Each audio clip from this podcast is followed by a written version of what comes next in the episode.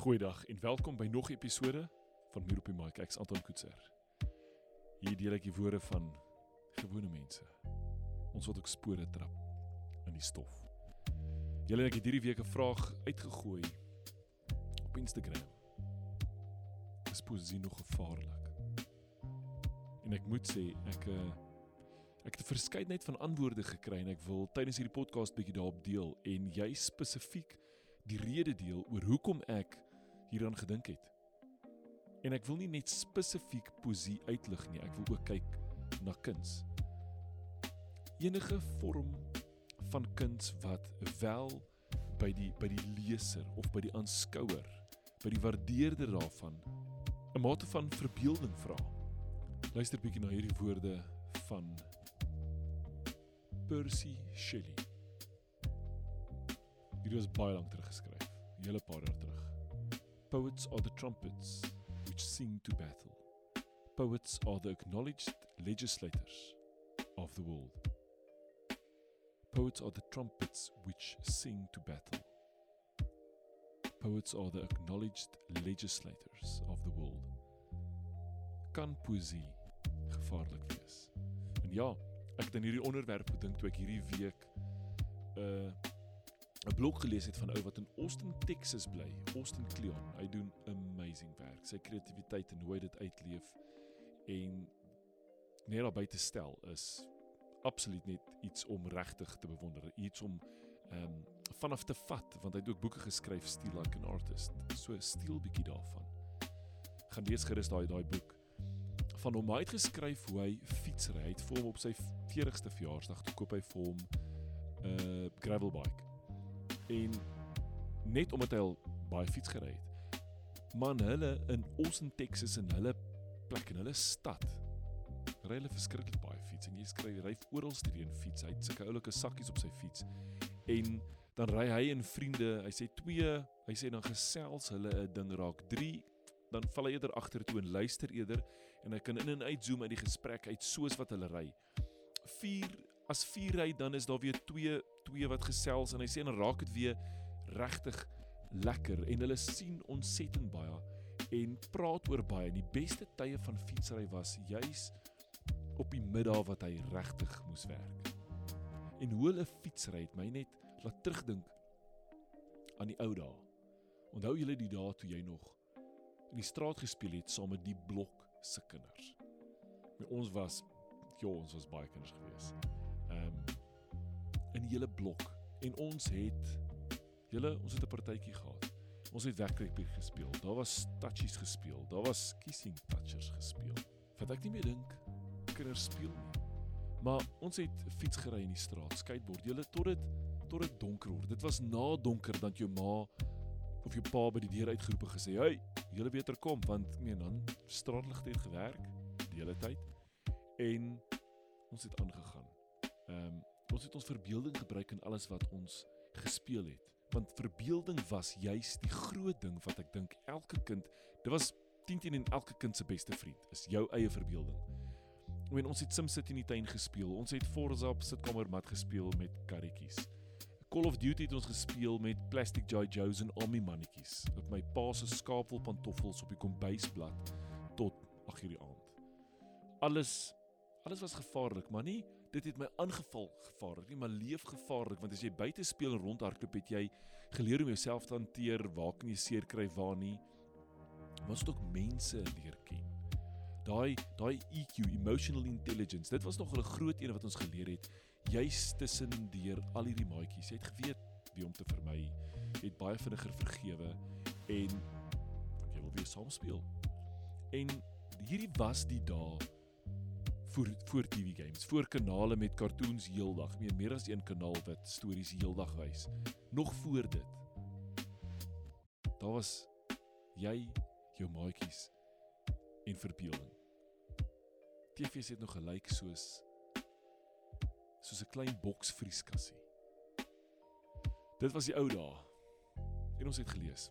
Ek het baie die uile gelees en jy spesifiek dit soos ek al gesê het, verbeelding. Dit was daar want soos wat ek lees, het hulle vir my net genoeg inligting gegee om 'n prentjie te skep en dan het ek hulle geken. Daar was min movies. Movies was visueel, stories was baie visueel, nie verbeelding nie, maar jy spesifiek woorde en ook kuns. Kuns verg verbeelding, prentjies geteken. Alles wat ek myself kon indink, het ek geteken. En ek kyk na my laities vandag. Drie van hulle in die middelste enetjie is mal oor oor teken. Meer as die meer as die ander.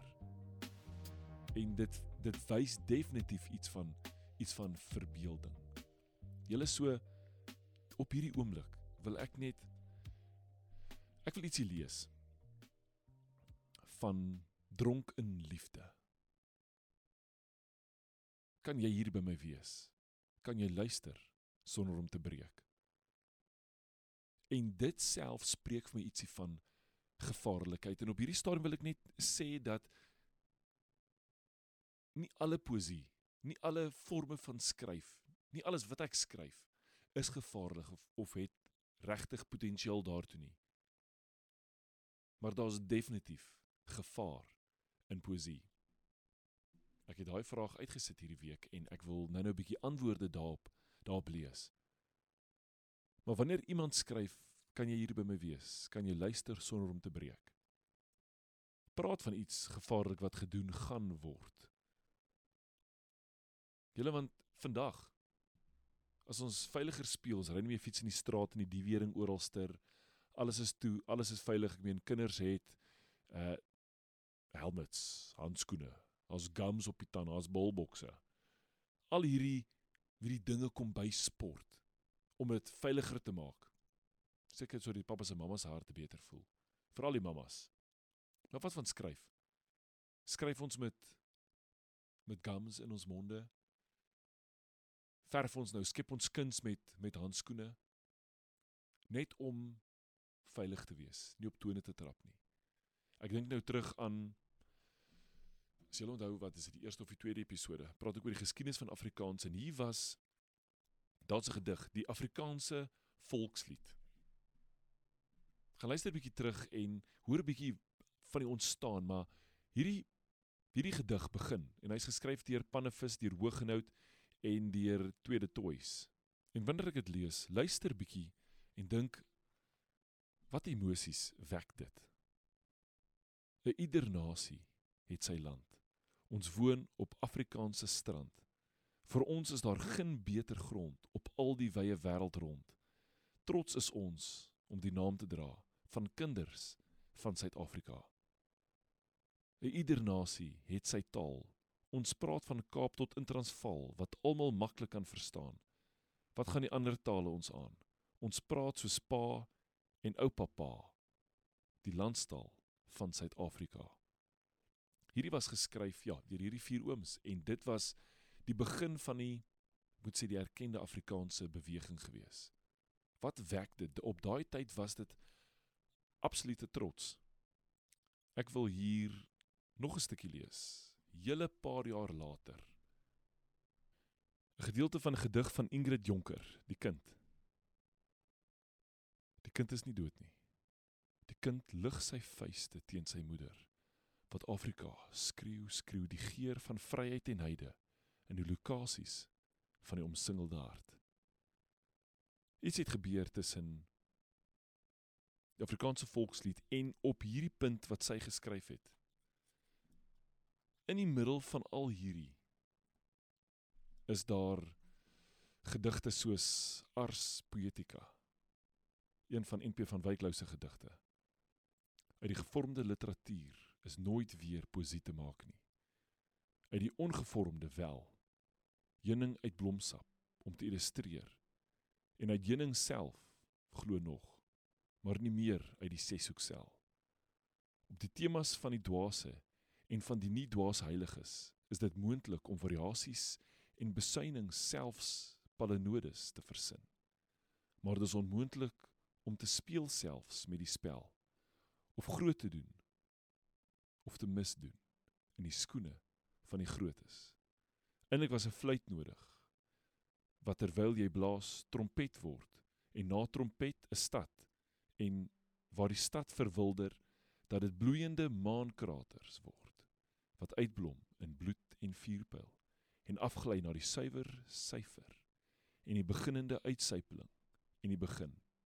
Maar omdat geen fluit voorhande is nie, moet ons die weefsels van oë van ons dink histologie soek om lig en kraakbeen, breinsel, vleis en slijmvlies sonder slijmerigheid van ons histories en geweefde denke te bespie sodat en opdat ons in woorde wat maar klank en teken is 'n nageskape skepinge die skepping van die God deurdink deurpraat.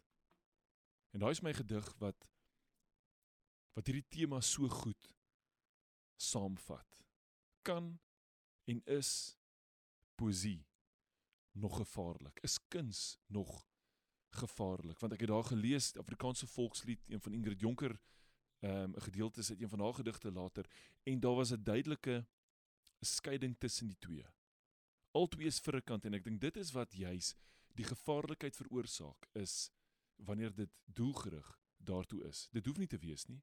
Daar's baie mooi liefdesgedigte. Daar is gedigte wat natuurbeskrywend is. En dan is daar gedigte soos hierdie wat wat 'n boodskap het wat dieper lê as net dit wat daar staan. En dit is een van die wonderlike aspekte van Boseus, juis daardie daai beeldspraak. Dis dit wat die verbeelding van die leser vat en indink die emosies wek. Dit is dan wanneer poesie kan gevaarlik raak. Want poesie het 'n ritme, dit het 'n rym, dit het beeldspraak, gekonsentreerde gedagtes wat fonteine infiltreer en kan verander. Dit wat in die hart van die mens is. Dit aanwakker. So poesie is kuns woordkuns digkuns skryfkuns proteskuns geloofkuns. Dit is poesie ek wil 'n gedig lees van hartsgeheime vuisfoos daar raak verlore en tyd bewoe 'n dekade het gedink jy sou teen die tyd al jou drome verhoor.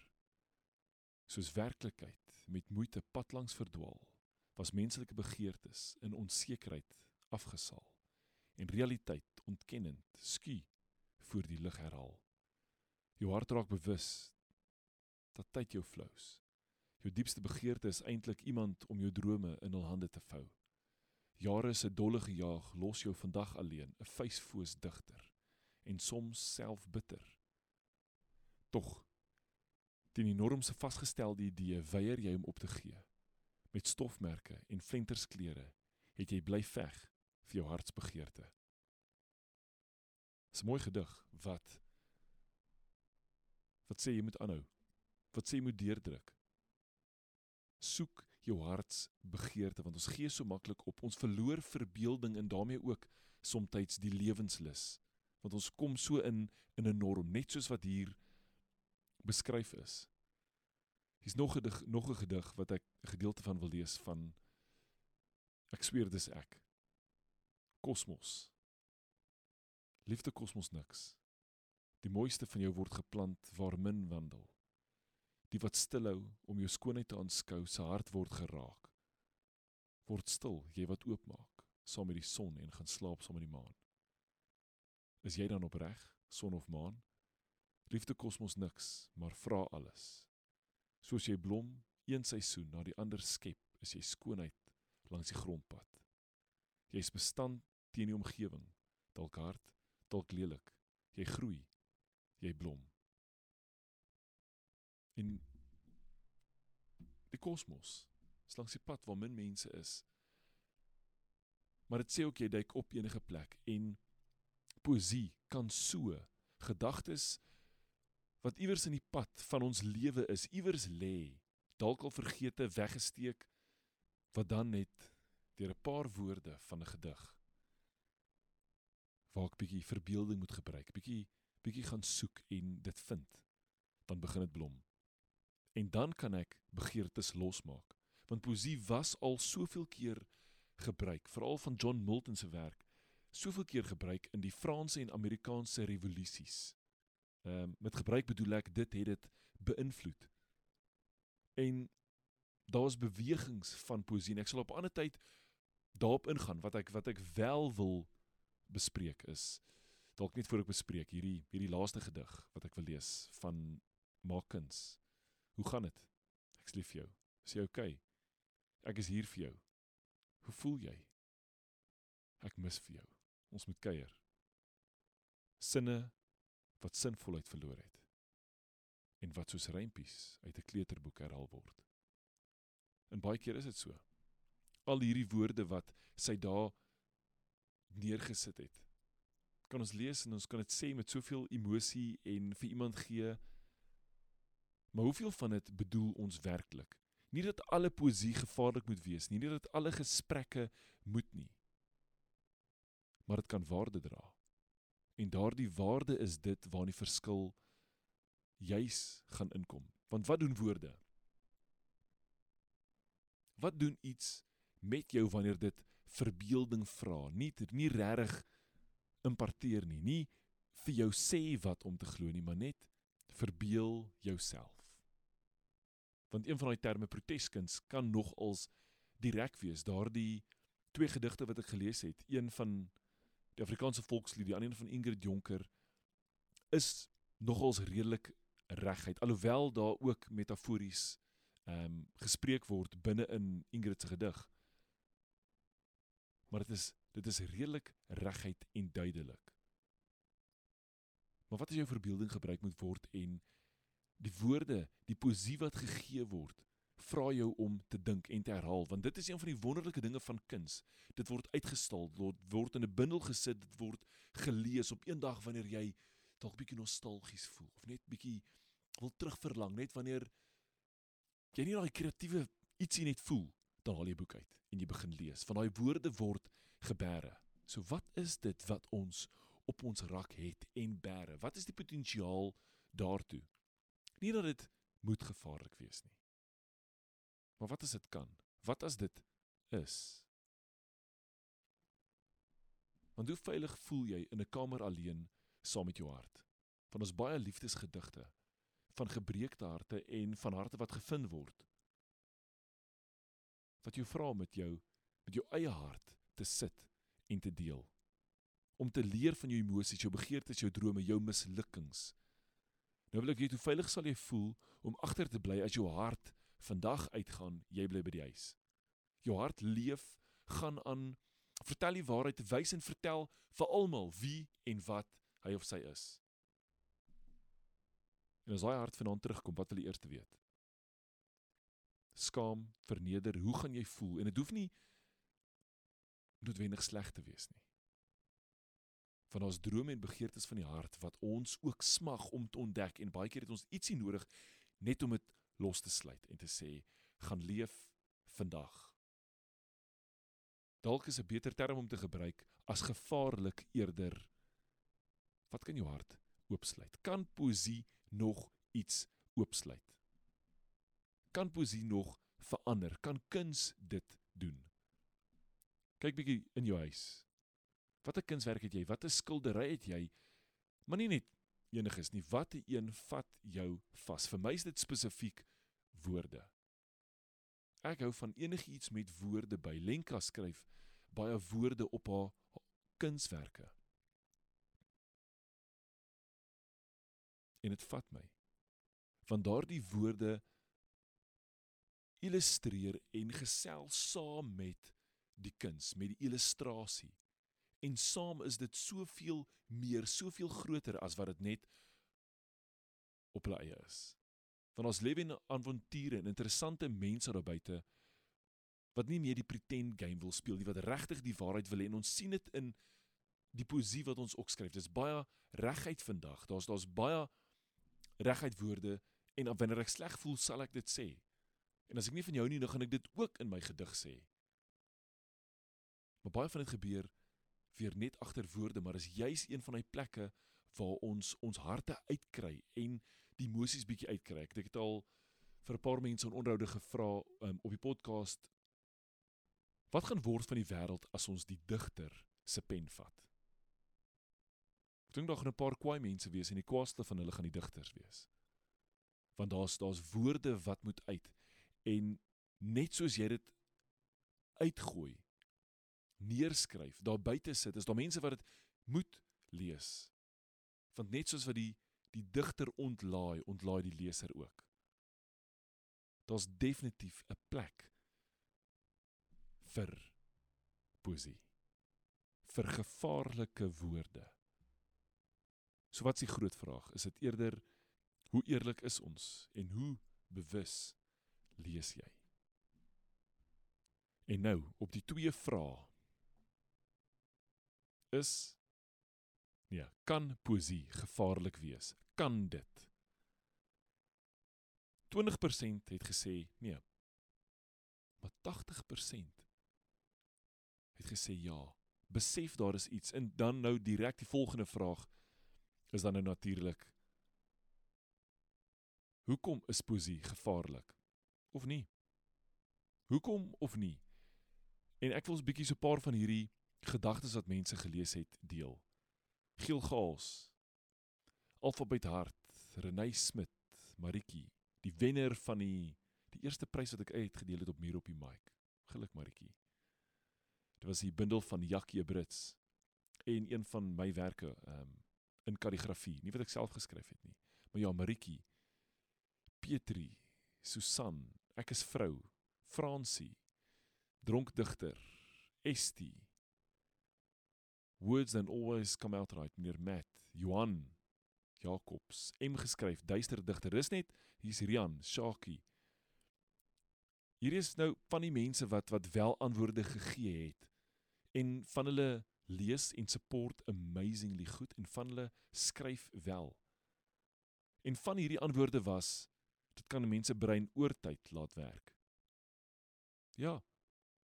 Hierdie woorde, hierdie wanneer jy regtig daaraan dink, wanneer dit in jou gedeur jou gedagtes mal, kan jou brein oortyd laat werk. Dis gevaarlik want dit kan iets wat dood is weer lewendig maak. Dit kan mense dwing om regtig te kyk. Vir daai vir daai tweede kyk. Dit het die krag om harte te beïnvloed. Jy kan mense iets laat dink en voel wat hulle dalk nie tans kan of mag dink nie. Dis poesie. Nie kan of mag dink nie. Poesie beteken maak of skep, digkuns. Hoe kan dit gevaarlik wees? Nog iemand se antwoord. Die woorde dra gewig wat nie almal kan begryp nie. Alles saamgestel in 'n paar verse. Die woorde dra gewig. Woorde is gewigloos tot dit verstaan word. Ehm um, in daai in daai podcast lig is gewigloos het ek daar gepraat. Want dit kan wonder en seermaak bring. Wonder en seermaak. Hierdie laat my dink poesie is eintlik soos 'n geweer. Gebruik dit asseblief verantwoordelik.